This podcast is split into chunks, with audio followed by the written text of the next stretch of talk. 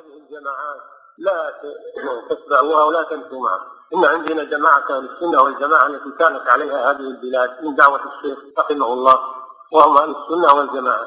وأما يجينا مذاهب أخرى تدليل إخواني ما أدري إيش كل هذه لا لا قبول لها عندنا. نعم. ولا تخرج معهم ولا تمشي معهم. وإذا أردت أن تدعو إلى الله لا ترتبط معهم. المجال مفتوح اذهب أنت وحدك. وادعو إلى الله وأمر بالمعروف وانهى عن المنكر. ولا تنتسب إلى جماعة التبليغ ولا غيره. انتسب إلى أهل السنة والجماعة. نعم. لا يخرج معهم ولا يقبلون التوحيد. هذول أهل المذهب والاتجاه صاحب الاتجاه ما تصرفه عن الاتجاه. لو كانوا أهل خطأ يريدون أن تقلق نفسهم يمكن يقبلون لكن إذا كانوا أصحاب مذهب ومنهج ما يمكن تصرفهم عن منهجهم وأيضا هم بايعين على مذهب بايعين أئمتهم وقادتهم على مذهب إنهم ما يقبلون سواه. عندهم بيعة مأخوذة عليهم المواثيق يخافون لو خالفوها أنهم يقتلون أو يصيبهم شيء. مهددين.